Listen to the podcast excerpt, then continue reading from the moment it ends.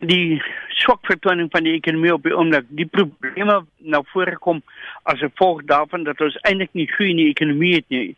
Eerstens dat ons kyk na byvoorbeeld die staatsbegroting en die inkomste is baie laer as wat hulle verwag het in hierdie eerste helfte van die jaar, kan die land eintlik nie so 'n staking bekostig nie. Dieselfde is ook waar dat as ons kyk na die mededingingsvermoë van die Suid-Afrikaanse ekonomie in die plaaslike mark sowel as in internasionale markte. Dan moet jy sê, maar ons ons vervaardigingsbedryf, ons mynwese, ons dienste sektore kan eintlik nie dit bekostig dat so 'n groot groep mense van die werk af wegbly nie.